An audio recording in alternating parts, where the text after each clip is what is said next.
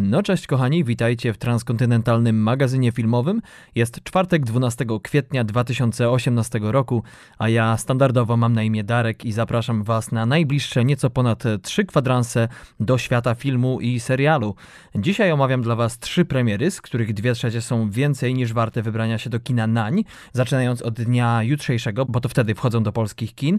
Są to film sensacyjny Życzenie Śmierci z Bruce'em Willisem, horror amerykański Ciche Miejsce w reżyserii aktora znanego z serialu The Office, czyli Johna Krazińskiego oraz dramat Nigdy Cię Tu Nie Było w roli głównej z Joaquinem Phoenixem. To tyle jeśli chodzi o premiery. Natomiast w głównej części odcinka mam dla Was po pierwsze prześwietny serial dokumentalny Netflixa pod tytułem Bardzo Dziki Kraj oraz pierwszą polską recenzję jeśli chodzi o podcasty najnowszej produkcji słynnego Wesa Andersona pod tytułem Wyspa Psów, który w polskich kinach już za tydzień. Także to tyle na wstępie. Proszę usiąść wygodnie w fotelu, zapiąć pasy i jedziemy.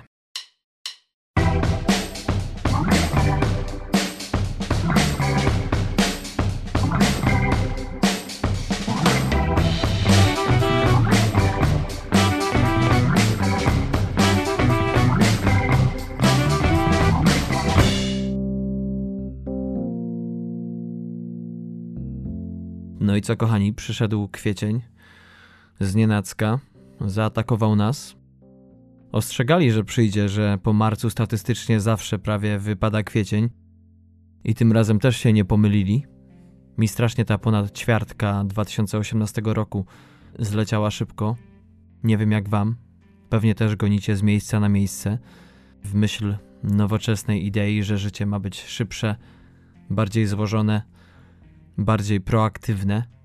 Czasem znajomi piszą do mnie wiadomości na Facebooku, będąc pełnymi zachwytu nad faktem, że mieszkam w Nowym Jorku, w takim ogromnym mieście, gdzie wszystko się dzieje, gdzie każdy chce mieszkać. Ale nie jest to takie proste. Życie to tak naprawdę połowa czasu w budynku, połowa czasu w metrze, z przerwą na kanapkę. Ja, jeśli nie pracuję na Manhattanie, to zapominam, że on istnieje. Tak to jest, że Wiele osób, które mieszkają na Brooklynie, nie opuszczają jego praktycznie w ogóle. Tak samo jest też z Manhattanem i z Queens. O Staten Island nie wspomnę, bo to kompletna sypialnia. Dziś oczywiście odcinek bez Patryka. Ten ma w tym tygodniu przerwę. Pewnie teraz gdzieś relaksuje się, wylegując w islandzkim słońcu. A jeśli nie wyleguje się, to zapewne nie daje Islandczykom zapomnieć o sobie. Ale to dobrze. Niech nasi przyjaciele z północy pamiętają, że żyją. U mnie ostatnio było zero odpoczynku, pies chory w domu, także już teraz mogę powiedzieć, że wiem, jak to jest, jak się ma małe dziecko w domu, bo przez cztery noce z rzędu trzeba było wyprowadzać psiura na zewnątrz. Był mały Saigon, ale teraz już powinno być z górki, znowu sporo pracy czeka mnie. No i też mój pierwszy serial w Stanach Zjednoczonych, The Perfect Murder. Tak jak kiedyś wspominałem już, Póki co albo jestem agentem FBI, albo psychopatą. I teraz trafiło mi się, mm, statystycznie wychodziło zresztą na to, to drugie. To zawsze ciekawe przeżycie poznać nowego reżysera, nową ekipę. Zazwyczaj y, życie na planie naprawdę jest świetne. Wszyscy są tak jak na lotnisku, a nawet lepiej. W jednym miejscu, z dala od domu najczęściej. No ale jak to w pracy, trzeba sobie jakoś złagodzić ten czas no więc buzia się nie zamyka na jakikolwiek temat, nie tylko mi. Ale fajnie, fajnie, że się trafia powolutku, powolutku.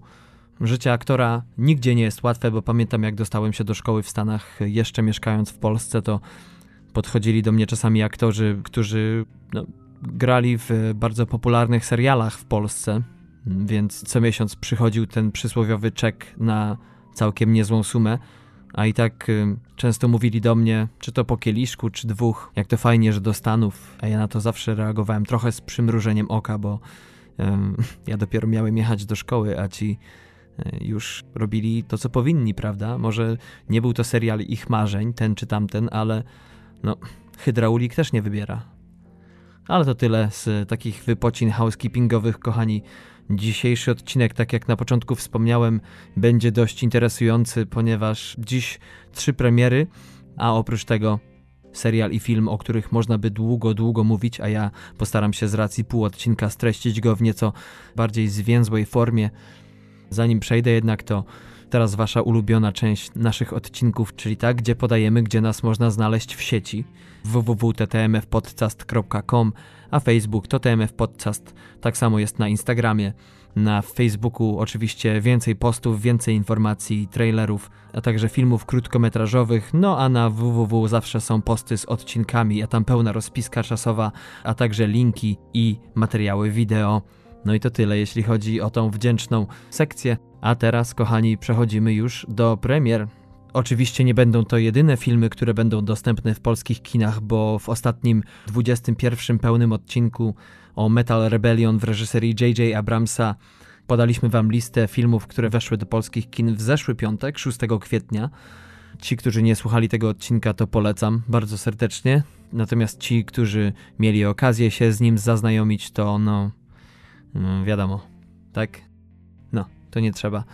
Um, a te premiery, o których w tamtym odcinku była mowa, to takie filmy jak Maria Magdalena z Joaquinem Phoenixem, który pojawi się również u nas i dzisiaj przy okazji premier, a także najnowszy film Małgorzaty Szumowskiej Twarz, nowa produkcja Powrót po 13 latach do gatunku sci-fi Stevena Spielberga, czyli Player One, a jako deser najnowsza ekranizacja Tomb Raidera z Alicją Vikander w roli głównej.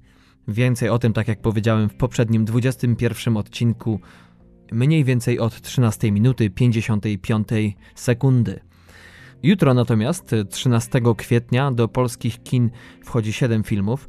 Natomiast ja pozwoliłem sobie, tak jak wspomniałem, na trzy produkcje, te, których nie omówię wam w tym odcinku, ale o których informacje możecie sobie znaleźć na Filmwebie i nie tylko.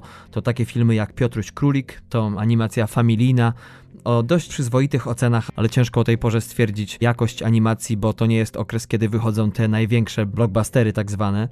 Mm, ale oprócz tego będzie też coś dla fanów gatunku film katastroficzny, bo wtedy do polskich kin wejdzie amerykańska produkcja pod tytułem Huragan, a oprócz tego dramat duński Znikasz. Ciekawie się zapowiada, jeśli chodzi o trailery, ale ym, nie jestem przekonany po pierwszych recenzjach. No i polski dramat Pawła Sali. Paweł Sala to ten od matki Joanny od kotów z 2010 roku między innymi, a jego najnowszy film nosi tytuł Niewidzialne. Natomiast pierwszą premierą, o której dzisiaj będzie mowa, to film sensacyjnej produkcji amerykańskiej Death Wish, a w polskim tłumaczeniu Życzenie Śmierci, Film ten swoją światową premierę miał 1 marca tego roku i zjeździł tak odległe kraje jak Zjednoczone Emiraty Arabskie, Patryka ulubiony Liban czy też Singapur. Natomiast do amerykańskich kin Życzenie Śmierci weszło dokładnie 10 dni temu. Akcja dzisiejszego filmu, który jest remake'iem, ale o tym za chwilę, Opowiada o Paulu Kerseyu. Oczywiście w tę rolę wcieli się niezmordowany Bruce Willis. Paul jest chirurgiem, który na co dzień ratuje e, ludzkie życie i gdy jego żona oraz córka zostają napadnięte brutalnie przez nieznanych sprawców, a policja pozostaje głucha na apele zrozpaczonego męża i ojca, ten decyduje się własnoręcznie wymierzyć sprawcom sprawiedliwość. No i bardzo szybko uwagę mediów przyciągają zabójstwa kolejnych gangsterów, no i wszyscy zadają sobie jedno pytanie: czy giną oni z ręki bohatera, czy też z ręki bandyty? Natomiast nasz główny bohater, oprócz lania gangsterów jednego po drugim, również bardzo szybko dostrzega to, że może też pomóc innym, nie tylko mszcząc się za swoje cierpienie. Nie każdemu się jednak podoba to, że mężczyzna zdaje się stać ponad prawem. Policja z biegiem czasu jest coraz bliżej odkrycia tożsamości tajemniczego mściciela.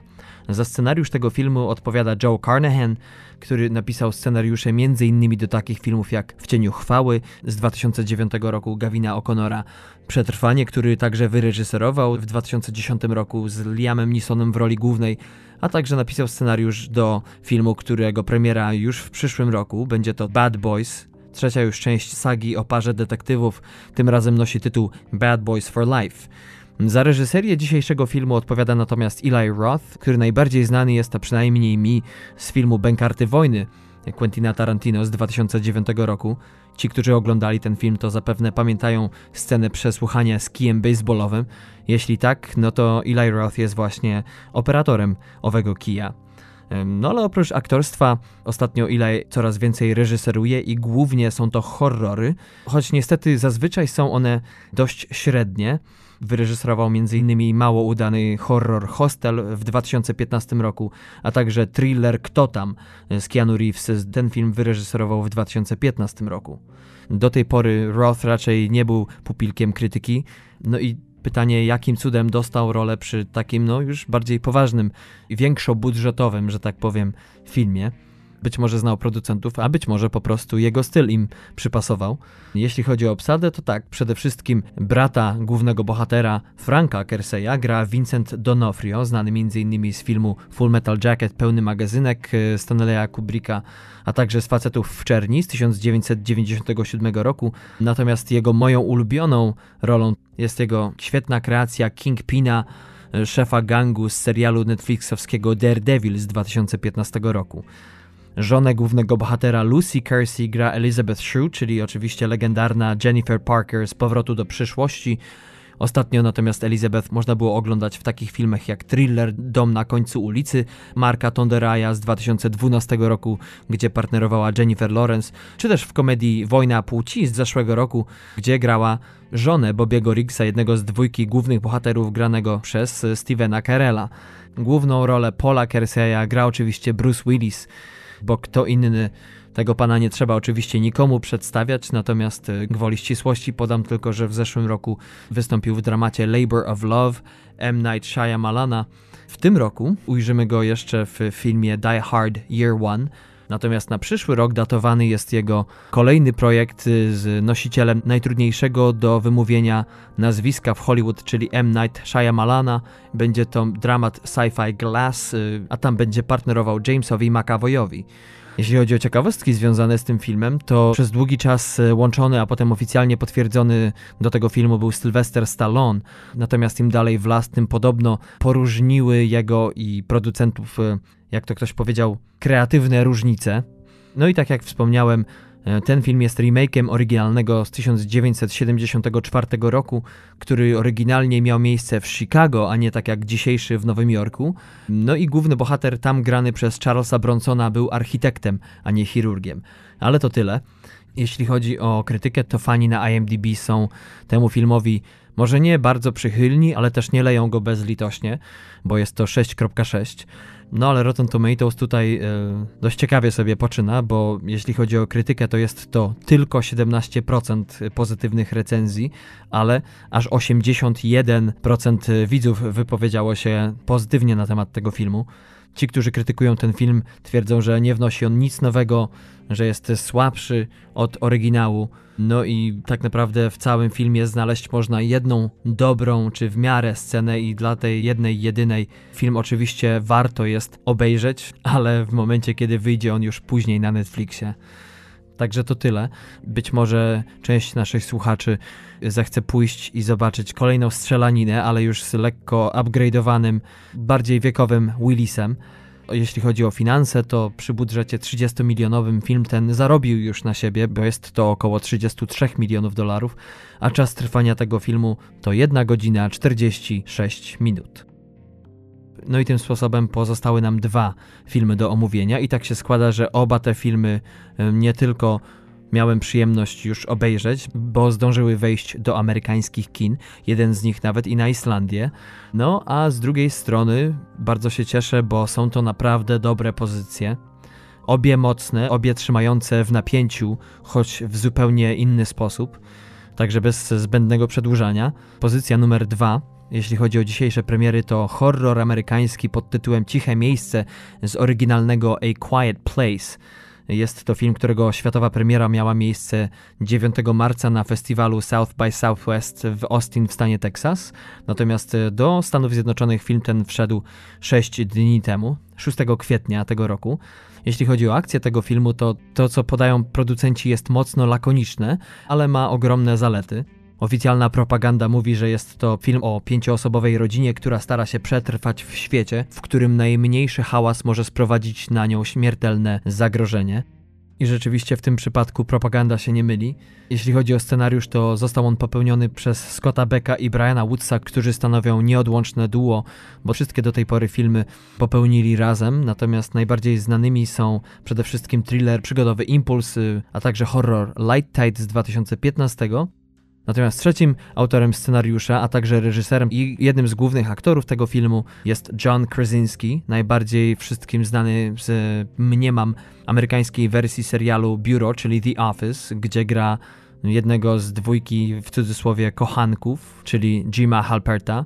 Ale oprócz tego, jako aktor, Jim wystąpił też w takich filmach jak komedia romantyczna Pożyczony Narzeczony, dramat akcji 13 godzin, Tajna misja w Bengazi, a w tym roku trafiła mu się główna rola tytułowego agenta CIA w serialowej ekranizacji powieści Toma Clancy'ego pod tytułem Jack Ryan, także od e, grania młodego, przystojnego singla casting w Stanach Zjednoczonych rzucił go w nieco inne rejony i muszę powiedzieć, że wychodzi mu to świetnie.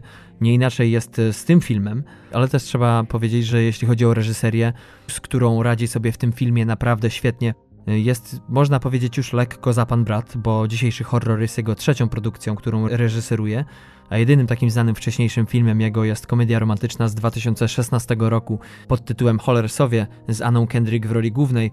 Jeśli chodzi o scenariusz, to również maczał w tym palce wcześniej i to z niebyle kim, bo w 2012 roku współpopełnił go do dramatu Promised Land Gusa Van Santa wespół z Mattem Damonem.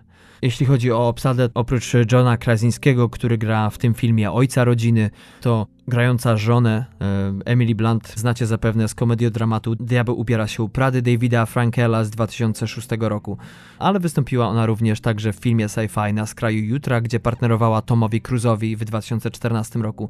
Dziewczyna z pociągu, który dwa lata temu wszedł do kin i zebrał całkiem niezłe recenzje, a w tym roku Emily Blunt czeka jeszcze jedna i tym razem mocno mówiona, a raczej śpiewana rola.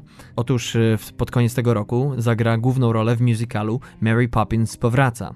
Jeśli chodzi o ciekawostki dotyczące tego filmu, to oryginalny scenariusz miał podobno tylko jedną linijkę dialogu i nie zdradzając za wiele, można powiedzieć, że nie ma ich o wiele więcej niż w oryginalnym zamierzeniu, ale jest on naprawdę mocny, dowodem czego jest nie tylko dzisiejszy film, ale także fakt, że trafił na listę najlepszych 10 scenariuszy 2017 roku. Krytyka temu filmowi jest bardzo przychylna, bo jeszcze przed godziną, kiedy sprawdzałem, to IMDb przy 3000 głosów wyświetlało 8.4, natomiast na Rotten Tomatoes było to aż 98% pozytywnych recenzji krytyków i 97% pozytywnych opinii e, widowni. Przede wszystkim Świetnie grają swoje role nie tylko Emily Blunt czy John Krasinski, ale i trójka małoletnich aktorów grających dzieci pary. Świetny koncept, jeśli chodzi o przedstawienie świata, gdzie tak naprawdę bardzo szybko dowiadujemy się, dlaczego byle szelest może przynieść nieszczęście rodzinie. Pomysł ten nie jest taki strasznie oryginalny, bo nawet w tym roku ma się ukazać film pod tytułem The Silence ze Stanleyem Tuccim, który mniej więcej opowiada o podobnym koncepcie. Natomiast realizacja tego dzisiejszego horroru y, nadrabia ten, powiedzmy, w pewnym sensie mankament. Y, co więcej, akcja w tym filmie dawkowana i prowadzona jest tak zręcznie, że po 90 minutach aż się zdziwiłem, że to już koniec filmu. Tutaj praktycznie od 5 y, czy 10 minuty film ten wchodzi na wysokie obroty, ale też są momenty, kiedy można lekko odetchnąć, może nie pośmiać się, ale z drugiej strony też są momenty, które tak naprawdę przynajmniej jeśli chodzi o mnie, poddają w wątpliwość y, sposób, w jaki ten film jest kategoryzowany, bo podobno jest to horror, ale moja opinia prywatna jest taka, że jest to melo-horror. Tak bym to w skrócie opisał. Kolejną pozytywną cechą tego filmu jest to, że bawi się w inteligentny sposób y, z widzem, nigdy nie czyniąc z niego mm, głupka, żeby nie powiedzieć mocniej, tak jak bardzo wiele filmów ma niestety to do siebie, że wykłada wszystko zbyt łopatologicznie lub nie potrafi wiązać końców z końcem. Tutaj to wszystko jednak spięte jest dość zgrabnie i żwawo.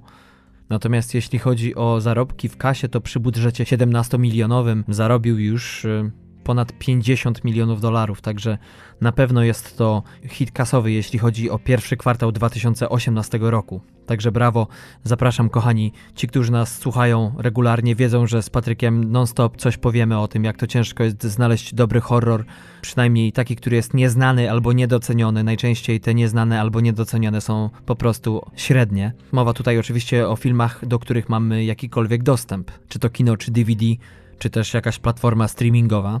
Czas trwania 90 minut, także śmiało, kochani, do boju.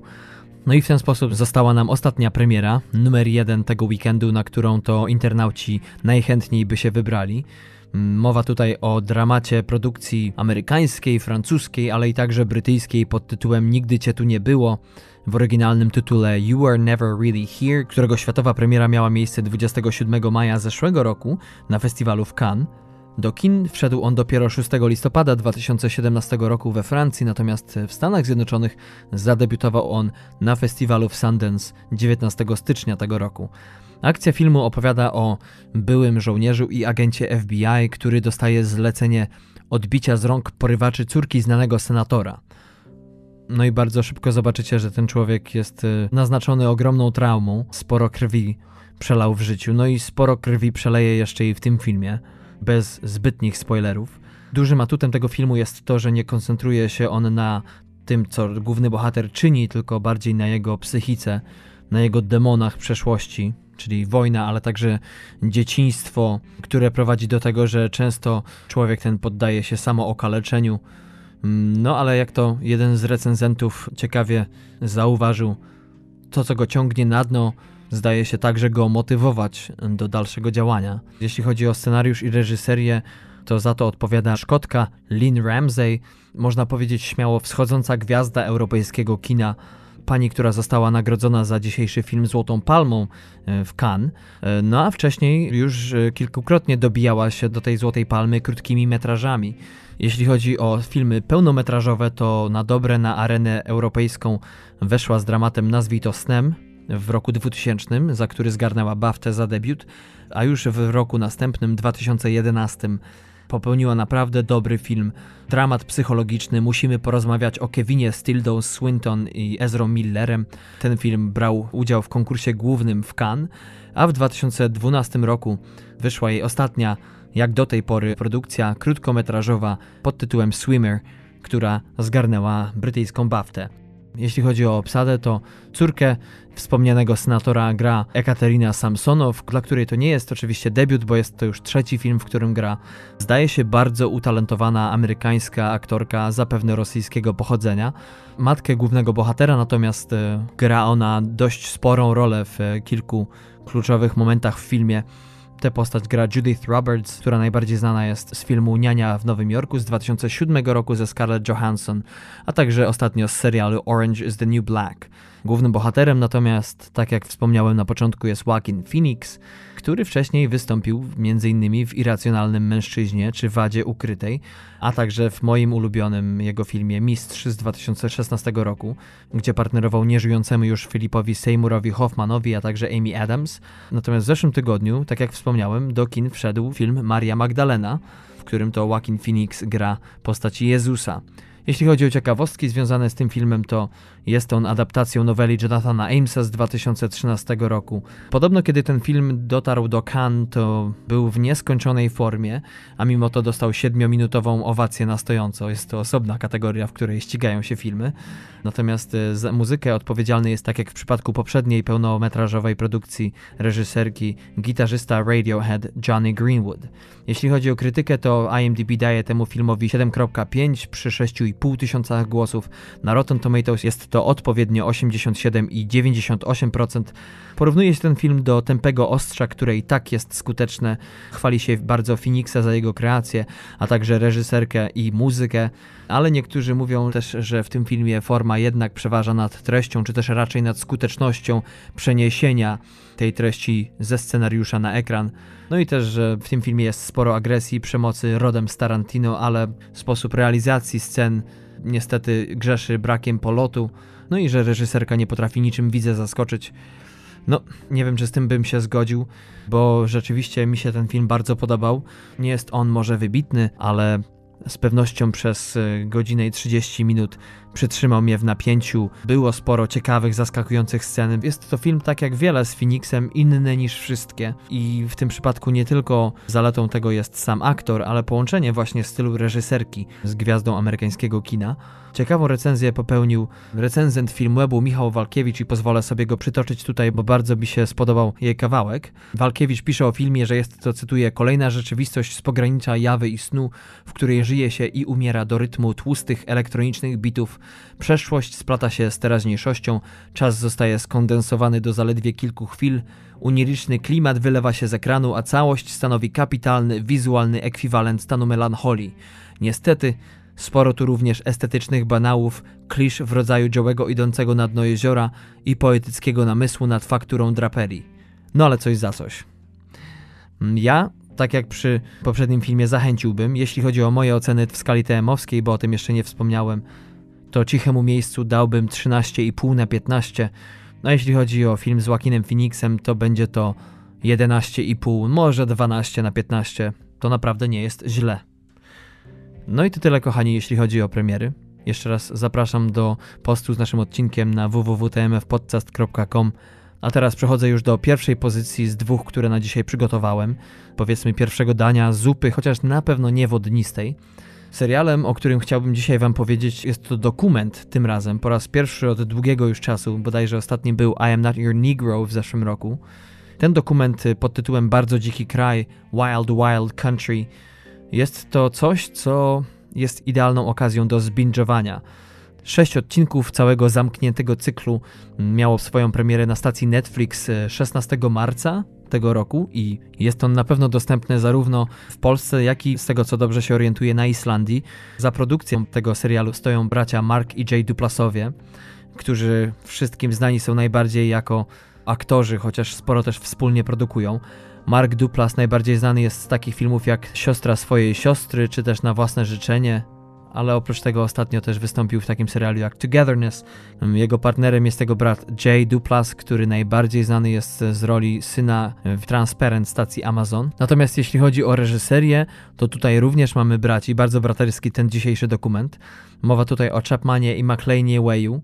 Jest to ich druga wspólna produkcja, ale kolejna bardzo udana i nawet lepsza od tej pierwszej. Tą pierwszą był również dokument The Battered Bastards of Baseball, który jeszcze niedawno dostępny był także na Netflixie, który miałem przyjemność obejrzeć. Był to film dokumentalny o amatorskim zespole baseballowym pod przewodnictwem ojca słynnego aktora amerykańskiego Kurta Russella, e, znanego z serialu Bonanza Binga Russella który założył ten półprofesjonalny zespół w 1973 roku i bardzo szybko Bastards of Baseball stali się bardzo znani i bardzo pożądani w całych Stanach Zjednoczonych. Każdy, kto chciał być e, może nieprofesjonalną gwiazdą, ale grać e, naprawdę w mocno konkurencyjnej półamatorskiej lidze, tam chciał się znaleźć.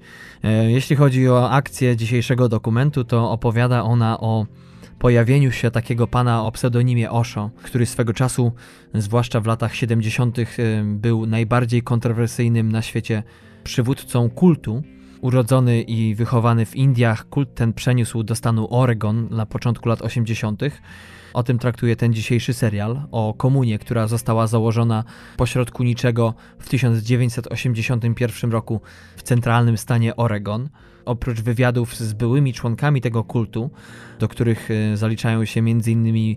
główna asystentka lidera, a także prawnik, czy też e, jedna z najwierniejszych osób e, z grona asystentki przywódcy kultu.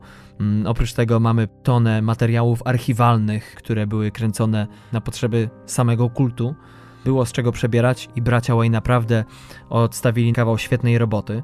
Sam kult, tak jak wspomniałem, został założony w Indiach, ale był to ruch międzynarodowy, ponieważ bardzo wielu Amerykanów też bardzo chętnie i tłumnie, można powiedzieć, dołączały do niego w Indiach, porzucając dotychczasowe zatrudnienia, dotychczasowe role w swoim amerykańskim społeczeństwie. Kult ten, tak jak wspomniałem, założony został w 1981 roku w stanie Oregon i udało mu się przetrwać 4 lata Także mały spoiler. Dzięki temu, że Stany Zjednoczone miały w tamtym okresie i z tego co się orientuje, nadal mają bardzo liberalną politykę imigracyjną, jeśli chodzi o przywódców religijnych. No z tego względu, że konstytucja tutaj gwarantuje, można powiedzieć, sporą liberalność, jeśli chodzi o nie tylko praktykowanie religii, ale także zakładanie swoich wiar czy kościołów. Aby ten kult powstał, wykupiono rancho o powierzchni 260 metrów kwadratowych i zostało ono zakupione za niecałe 6 milionów e, dolarów. W przeliczeniu na dzisiejsze dolary byłoby to około 15 milionów. Rancho to stało się bardzo szybko miastem dla 7 tysięcy ludzi, takie przynajmniej było założenie.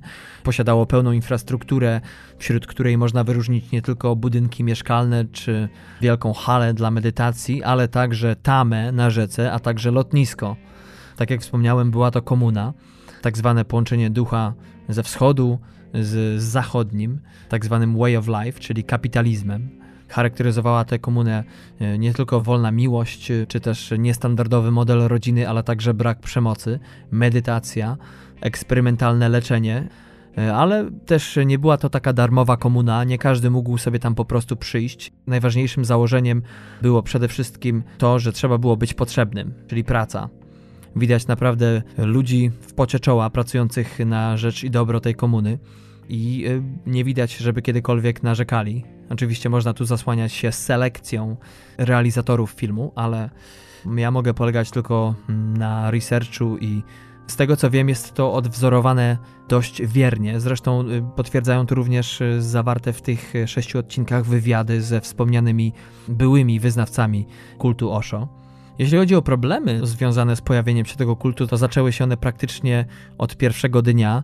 Wiele nie trzeba było, żeby grupki podróżujących w te czy we w te ludzi ubranych na ten sam głęboko czerwony kolor przez malutkie 50-osobowe miasteczko Antelope, które sąsiadowało z komuną, nie wywołało jakichś większych niepokojów. Wręcz przeciwnie, bardzo szybko komuna popada w konflikt z władzami miasteczka, potem z władzami księstwa. Głośno o tym konflikcie szybko jest też na całym świecie, także w Polsce. Tym wspomnianym Osho, czyli liderem tego kultu, był człowiek, który urodził się pod imieniem Handra Mohan Jain. Natomiast najczęściej mówiono do niego w tym serialu praktycznie non-stop Bhagwan. Pełny pseudonim to Bhagwan Sri Rajneesh. Tak też e, tytułuje się ludność tej komuny z amerykańskiego Rajneeshis. Człowiek ten urodził się w 1951 roku, zmarł w 1990 roku. Co ciekawe, nie był on przywódcą religijnym, ponieważ e, ten kult nie opierał się na modlitwie do bogów, wręcz przeciwnie, stawiał sprawę jasno, że ich nie ma. Osho czy Bhagwan e, przez swoją naukę dążył do oświecenia ludzi. Człowiek ten miał dwie główne dewizy. Pierwszą z nich była nie ma innego Boga niż samo życie. Drugą natomiast nauką, która najbardziej zapada w pamięć, to cytuję: Nie należy szukać prawdy daleko, ona jest wewnątrz nas samych. Ciekawy to był człowiek, na pewno budził może nie tyle respekt, co konsternację, nie tylko swoim spokojem, ale też wyglądem. W zasadzie też y, rzadko pojawiał się publicznie, a już y, od momentu założenia tej komuny jeszcze mniej. I na trzy lata, prawie cztery, popadł w kompletne milczenie. Oczywiście rozmawiał ze swoimi najbliższymi z otoczenia, natomiast dla ogółu komuny pokazywał się sporadycznie, ale nie przemawiał. Jego nauka nie polegała na indoktrinacji słownej. Główne zło, e, głównego antagonistę w całym tym, można powiedzieć, głównego antagonistę w tym serialu pełniła Ma Anand Shila, dyrektor wykonawczy, można powiedzieć, tego kultu, sprawowała pieczę nad wszystkim. Była to bardzo intensywna kobieta, jak przysłowiowy SS-man, która bardzo często prowokowała nie tylko media, ale zwłaszcza ludzi poprzez te media. Była bardzo butna, bardzo pyszna. Do dzisiaj zastanawiają się ludzie, czy robiła to na pokaz, czy rzeczywiście taka była, bo w tym serialu również i ona występuje. Teraz ma, o ile pamiętam, 65 chyba lat natomiast mieszka w Szwajcarii. Dzisiaj pomaga ludziom, e, zwłaszcza ludziom starszym, prowadzi swego rodzaju terapię. No natomiast w tamtych latach rzeczywiście był to prawdziwy bull terrier. Pamiętam w jednym z odcinków ma Anand Shila na pytanie, czy czują się szczęśliwymi, że byli w stanie się znaleźć e, w odpowiednim miejscu dla ich niego ruchu odpowiedziała, że to raczej Ameryka powinna się cieszyć. Dokładnie powiedziała coś takiego jak macie szczęście, że ta opera zawitała i do was. to było genialne. Muszę powiedzieć, że naprawdę sporo zastanowienia budzi ich research, tak zwany, jeśli chodzi o miejsce, w którym założyć kult, no bo jest to pewnego rodzaju ironia losu jak w grze komputerowej, kiedy to wysyła się skauta. Tutaj niestety ten nie był zbyt rozgarnięty. No, miejsce oczywiście fajne, puste, pośrodku niczego, ale idealne tylko wtedy, kiedy chce się prędzej czy później wywołać dym, bo stan Oregon jest stanem bardzo konserwatywnym. W dodatku najbliższe miasteczko to tylko 50 osób. E, większość są to emeryci, ludzie starszej daty, którzy no nie dziwo czują się mocno zagrożeni. Spokój ich umysłu, ciała i duszy zostaje nadszarpnięty wiadomo, nie jest to tylko i wyłącznie wina kultu, ale trzeba zrobić dobre rozeznanie a propos swoich sąsiadów, jeśli zamierza się samemu rozpanoszyć w okolicy. E, no i cóż, e, kult przerodził się bardzo szybko, tak jak wspomniałem, w bardzo sprawnie działające miasteczko. Konflikt z miejscowymi narastał. Ma Anand Shila oskarżała miejscową społeczność o bycie nietolerancyjnymi bigotami. I tutaj dla nas widzów ukazuje się tak naprawdę ta druga twarz kultu, przynajmniej tych decydentów, oprócz przywódcy, który, tak jak już wspomniałem, milczał. Nie wdawał się w politykę, przynajmniej bezpośrednią, tej osady. Można powiedzieć, że jego rola jest z jednej strony niejasna, bo wiadomo, był on źródłem energii i natchnienia dla ludzi, ale czy tak naprawdę nie chachmęcił samemu, jak to się mówi? Wiemy tylko tyle, co nam pokazano jeśli chodzi o negatywne strony tego kultu, to też bardzo szybko słyszy się o potajemnej inwigilacji i kontroli na masową skalę. A oprócz tego do akcji wkracza też również rząd stanowy i federalny, które robią wszystko bez pomocą legalnych haków wyrugować kulty nie tylko z Oregonu, ale i w ogóle ze Stanów Zjednoczonych. Najważniejsze wnioski, jeśli chodzi o ten serial, to przede wszystkim to, że polega on na pewnym odmitologizowaniu samego kultu. Pokazuje jego, no nie wiem czy dobre strony, ale przynajmniej neutralne strony, e, zdaje się obiektywne, a z drugiej strony też ukazuje mroczne jego sekrety. Wielkim składnikiem tego serialu jest problem dobra i zła, także pojęcia oświecenia. Jednym z głównych pytań, które mi się nasunęło po obejrzeniu tego serialu, to czy można stworzyć komunę i odizolować ją od reszty społeczeństwa, nie przejmując się sąsiadami. Serial jest tak świetnie zrealizowany, że za, każdym zakrętem czyha kolejna niespodzianka, czy też kolejna niekonsekwencja po stronie kultu, czy też pojedynczych jego członków, ale też serial ten nie komentuje e, niczego. Pokazuje rzeczy takie, jakimi się zdają, że są przynajmniej. I choć narratorami są byli członkowie, to jednak nie tylko płynie z ich e, ust miód. Często też po nich samych można zobaczyć ich zagubienie, e, że po tylu latach jeszcze coś w nich tkwi, jakaś zadra, tęsknota, zadumanie. Naprawdę cisza w tym serialu jest najsmaczniejsza, ale też wszystko inne jej nie ustępuje. Krytyka naprawdę wysoko ocenia ten serial. IMDb daje mu 8,5, e, Rotten Tomatoes 100% jeśli chodzi o krytykę i 88% widzów. Jest to zaskakujący, szokujący, świetnie zrealizowany, bulwersujący serial, który jeśli miałbym go jakoś scharakteryzować, to powiedziałbym, że opisuje nam historię cywilizacji, takiej, która pojawiła się dość niedawno. Jej początek, rozrost y, oraz upadek. Błędy założycielskie, czynnik ludzki. Pokazuje nam ten serial, jak to w wyniku nawarstwienia się państwowości tej nowej cywilizacji ludzie ci zostają wyrzuceni z biegiem czasu w ten czy inny sposób y, na przysłowiowy bruk. Mocna pozycja, kochani. Może to być najlepiej spędzone 6 godzin. Nie jest on brutalny, ale jest on mocny.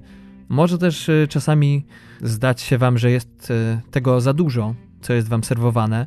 Mi też się kilka razy tak zdarzyło, ale muszę z ręką na sercu powiedzieć, że nie była to wina serialu, ale po prostu może nie byłem do końca przygotowany na aż tak mocny i dość y, mocno otwierający oczy na pewne sprawy produkt. Moja ocena 15 na 15. I w ten sposób przechodzimy do drugiej pozycji, do dania głównego dzisiejszego odcinka do Wyspy Psów, czyli powrotu Wesa Andersona po kilku latach do pełnometrażowego przynajmniej kina. Jak e, wszyscy pamiętają, ostatnią jego produkcją był prześwietny Grand Budapest Hotel. Przede wszystkim mocno wyczekiwana produkcja, jego druga animacja poklatkowa. Pierwsza oczywiście to Fantastic Mr. Fox. W przypadku Isle of Dogs, hmm, pomimo iż nie jest to film perfekcyjny, to tak mi się wydaje, że jest to film, na który reżyser czekał całe życie, czy też może inaczej, bardziej przewrotnie. Ten film czekał całe życie na tego reżysera. To tak jakby japoński styl w ogóle czekał, aż w końcu Wes Anderson odbije się w jego stronę. No i z tego połączenia wyszło coś, co po angielsku nazywa się eye candy, czyli nasza swojska uczta dla oczu. Ale jeśli chodzi o akcję, to tutaj sprawa nie wygląda już tak e, prosto. Premierę ten film miał podczas tegorocznego festiwalu w Berlinie 19 lutego. W Stanach Zjednoczonych wszedł do kin w ograniczonej dystrybucji 23 marca. Natomiast do Polski ten film wejdzie 20 kwietnia. Mm, akcja filmu opowiada o Atarim, 12-letnim japońskim chłopcu, który po śmierci swoich rodziców jest wychowywany przez wuja spod ciemnej gwiazdy, który pełni też rolę burmistrza Megasaki, w którym to akcja się głównie dzieje. Wspomniany wuj jest wielkim fanem kotów, także podpisuje pewnego dnia dekret, na mocy którego wszystkie psy, pańskie czy bezpańskie, zostają deportowane na położoną nieopodal miasta wyspę śmieci. No i los ten dotyka także psa Atariego, który jednak nie daje za wygraną i udaje się na japońskim odpowiedniku kukuruźnika, małym samolocie, na misję, by odnaleźć swoją psinę. Na miejscu natomiast zgromadzi wokół siebie grupę czworonożnych przyjaciół, no i to wraz z nimi wyruszy w podróż powrotną na wielką wyprawę, e, która to zadecyduje o losach nie tylko psiaków, ale też i całej prefektury. Scenariusz do tego filmu napisany był, tak się podaje, głównie przez Wesa Andersona, ale też e, współpracował ten reżyser przy nim nie tylko z Jasonem Schwartzmanem, aktorem, którego można zobaczyć i we wcześniejszych produkcjach e, tego reżysera, ale także podobno Jeff Goldblum przyłożył sporą rękę, jeśli chodzi o pomysły, które panowie gdzieś sobie tam serwowali pod wieczór przy butelce dobrej whisky, jeżeli oczywiście piją wszyscy. Do najsłynniejszych filmów Wesa Andersona oprócz Grand Budapest Hotel i Fantastycznego Pana Lisa możemy zaliczyć również Kochanków z Księżyca, Moonrise Kingdom z 2012 roku, Pociąg do Darjeeling z 2007 roku, czy też świetnego filmu Podwodne życie ze Steve'em Zissou z 2004 roku. Co ciekawe, jeśli chodzi o obsadę, to przy tym filmie żaden z aktorów nie współpracował ze sobą. E, wiadomo, jest to animacja poklatkowa, więc um, aktorzy ci tacy jak e, Brian Cranston, znany z Breaking Bad, czy Edward Norton, e, no już od kilku filmów współpracujący z Wesem Andersonem, czy też Bob Balaban, czy Bill Murray, czy Jeff Goldblum nigdy nie nagrywali w studiu razem. To samo tyczy się Courtney B. Vance'a, który w tym filmie wciela się w postać narratora w kilku momentach tego filmu. Ten film w ogóle ma bardzo ciekawą narrację, ponieważ nie jest ona tylko i wyłącznie w języku angielskim, ale przeważa, można powiedzieć, w tym filmie japoński. Psy, nie wiedzieć czemu mówią po angielsku, może były objęte specjalnym programem. E, ale tak poważnie to no, ten film powstawał dość długo i w e, naprawdę pełnym pocie czoła. To, co było wiadomo na początku, to to, że na pewno będzie się dział w Japonii i będzie o psach. No ale potem już e, była to, tak jak już wspomniałem, prawie że wolna Amerykanka, przerzucanie się pomysłami Andersona ze Schwartzmanem i Goldblumem, aż stanęło na tym, na czym stanęło. Wes Anderson, pisząc swój poprzedni film animowany Fantastic Mr. Fox, wiedział dokładnie dla kogo go pisze, e, stąd też wiedział, jak nadawać kształt narracji. Natomiast problemem przy tym filmie było to, że on w zasadzie nie wiedział, co z tego wyjdzie. Tworzyli to, można powiedzieć, e, w stylu co wena na język, czy też na długopis przyniesie. Scenariusz do tego filmu bodajże powstał 2 czy 3 lata temu, natomiast no też e, sporo czasu minęło od kiedy aktorzy podkładali głosy. Najwięcej czasu oczywiście, jeśli chodzi o ten film, zajęła animacja. Tutaj było podobno aż 40 zespołów animacyjnych, które non-stop dzień i noc animowały przeróżne rzeczy. No i tam też pojawiły się spore problemy z animacją. Głównie mowa tutaj o skali, ponieważ e, Wes Anderson, który sam jest fanem małych figurek, poprosił o zaprojektowanie zbyt małych, jak się okazało, do wielu rzeczy, więc trzeba było przeprojektować je. Niektóre mają aż po trzy skale. No ale z tego względu, że nie było za dużo czasu, żeby wszystko zmienić, a też byłoby to kosztowne, no więc animacja tych najmniejszych przetestowała, jak w przypadku Zemsty Hebalończyka, najlepszych animatorów. Film ten zresztą tak jak dokument Wild Wild Country, który e, mówił głównie o nietolerancji, o niezrozumieniu się dwóch przeciwstawnych sobie grup, zwłaszcza jeśli chodzi o dzisiejszą polaryzację świata na lewo i prawo. Wyspa Psów także porusza sporo dzisiejszych problemów, zwłaszcza jeśli chodzi o zachodnią półkulę, bo przede wszystkim jest tutaj motyw otrucia, polityka, no ale oprócz tego protest dzieci, tutaj mowa oczywiście o protestach dzieci w Stanach Zjednoczonych przeciwko e, liberalnym przepisom dotyczącym posiadania broni, no ale także mamy postać złego burmistrza, tego rozwijać nie trzeba. Jeśli chodzi o wielkie plusy tego filmu, to przede wszystkim art direction i mówię tutaj od napisów początkowych po wygląd postaci, scenografię. Animacja też jest świetna, może nie moja ulubiona, ale pasuje idealnie do tego stylu. Oprócz tego mamy sporo humoru, zwłaszcza jeśli chodzi o postacie psów. Świetne też odwzorowanie antropomorfizacji psów. Mowa tutaj oczywiście nadaniu cech ludzkich psom, ale także niesamowita muzyka i ogólna stylizacja, reżyseria. Wszystko w tym filmie jest fenomenalne, jeśli chodzi o to. Minusy? No cóż, czasem akcja niestety się wlecze. Może to jest właśnie problem tej wspomnianej przeze mnie stylistyki. No ale nie mogłem się oprzeć wrażeniu, że ten film jakby był momentami jednak dla dzieci, w sensie, że ja jako dorosły czekałem na jakąś dalszą akcję, na większą stawkę. Ta dla mnie, jako dla wymagającego widza, nie była zbyt wysoka. Przez nie tyle animację poklatkową, ale może sposób jej filmowania. Ktoś y, napisał z amerykańskich recenzentów, że nie tyle styl japoński, ale w ogóle jeśli chodzi o surowość stylu, sprawiło to, że człowiek nie jest w stanie za wiele poczuć oglądając ten film i staje się on po prostu bardzo ciekawą propozycją, którą warto zobaczyć przede wszystkim dla walorów y, estetycznych. Ale nie wystarcza on na tyle, żeby człowiek mógł coś poczuć i na chwilę oderwać się w jakiś powiedzmy głębszy sposób od codzienności. Nie wiem, czy to prawda jest, bo jednak wizualnie ten film naprawdę porywa. Także pewnie wielu z Was y, wyniesie wiele pozytywnych. Y, może Wam nie będzie przeszkadzać akurat brak porywistych zwrotów akcji. No, ktoś jeszcze porównał ten film do poklatkowego remake'u Lassie Wróć, tylko że tym razem, i to jest mój ulubiony cytat, reżyser wdepnął w psią kupę. W dobie dzisiejszego klimatu politycznego film ten zdaje się komentować rzeczywistość, ale w przepięknej formie. Może dlatego Anderson nie chciał w niego wrzucić więcej mięsa, może chciał inaczej, w inny sposób y, swoich widzów poderwać. Jeśli chodzi o krytykę, to IMDb e, daje temu filmowi 8,2. Na Rotten Tomatoes znajdziemy 92% pozytywnych recenzji, 97% pozytywnych opinii widzów. Nasz rodzimy Filmweb daje temu filmowi 8,1.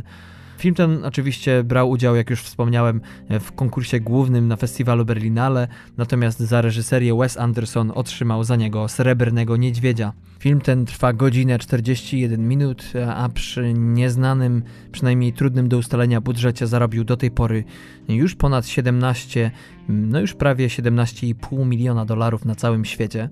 Moja ocena w skali TMF-owskiej to hmm, powiedzmy 11 na 15, ale dzięki walorom estetycznym mogę nawet podrasować ten rating trochę i dać mu 14, chociaż jest to on lekko zawyżony tutaj, ale tak jak mówię, piękno wizualne tego filmu robi swoje i chociażby dla tego czynnika warto jest naprawdę odwiedzić polskie kina już za 8 dni w przyszły piątek, 20 e, kwietnia, mm, no i rozprawić się z Wesem Andersonem.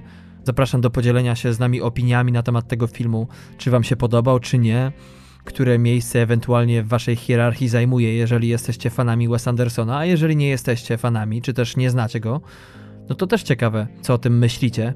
Na pewno warto, mówię to jako ogromny fan Wes Andersona, jego poprzednich filmów, ale także animacji poklatkowej. I to tyle, jeśli chodzi o zachwalanie, bo więcej wody lać nie trzeba. No a i nasz odcinek dobiega już końca. Jeszcze raz, kochani, Zapraszam Was nie tylko na premiery, w sumie to siedmiu filmów, ale trzy z nich omawiamy w dzisiejszym odcinku. Są to film sensacyjny Życzenie Śmierci z Bruce'em Willisem, horror amerykański Johna Krasinskiego z nim i jego żoną Emily Blunt w rolach głównych Ciche Miejsce, a także thriller produkcji międzynarodowej z Joaquinem Phoenixem pod tytułem Nigdy Cię tu nie było. Zapraszam również na Netflix do obejrzenia Wild Wild Country, czyli bardzo dziki kraj a także do kin za 8 dni na najnowszą produkcję Wesa Andersona Isle of Dogs, czyli Wyspę Psów. No i to tyle, jeśli chodzi o dzisiejszy odcinek, kochani. Jeszcze raz przypominam, www to tmfpodcast.com, Facebook to tmfpodcast. No a następny odcinek, pełny, wyjdzie, tak przynajmniej nam się zdaje, w następny czwartek, 19 kwietnia. No i to tyle, kochani. Do usłyszenia za tydzień. Życzę wszystkim udanego weekendu a także początku następnego tygodnia. Trzymajcie się ciepło. Czołem ahoj!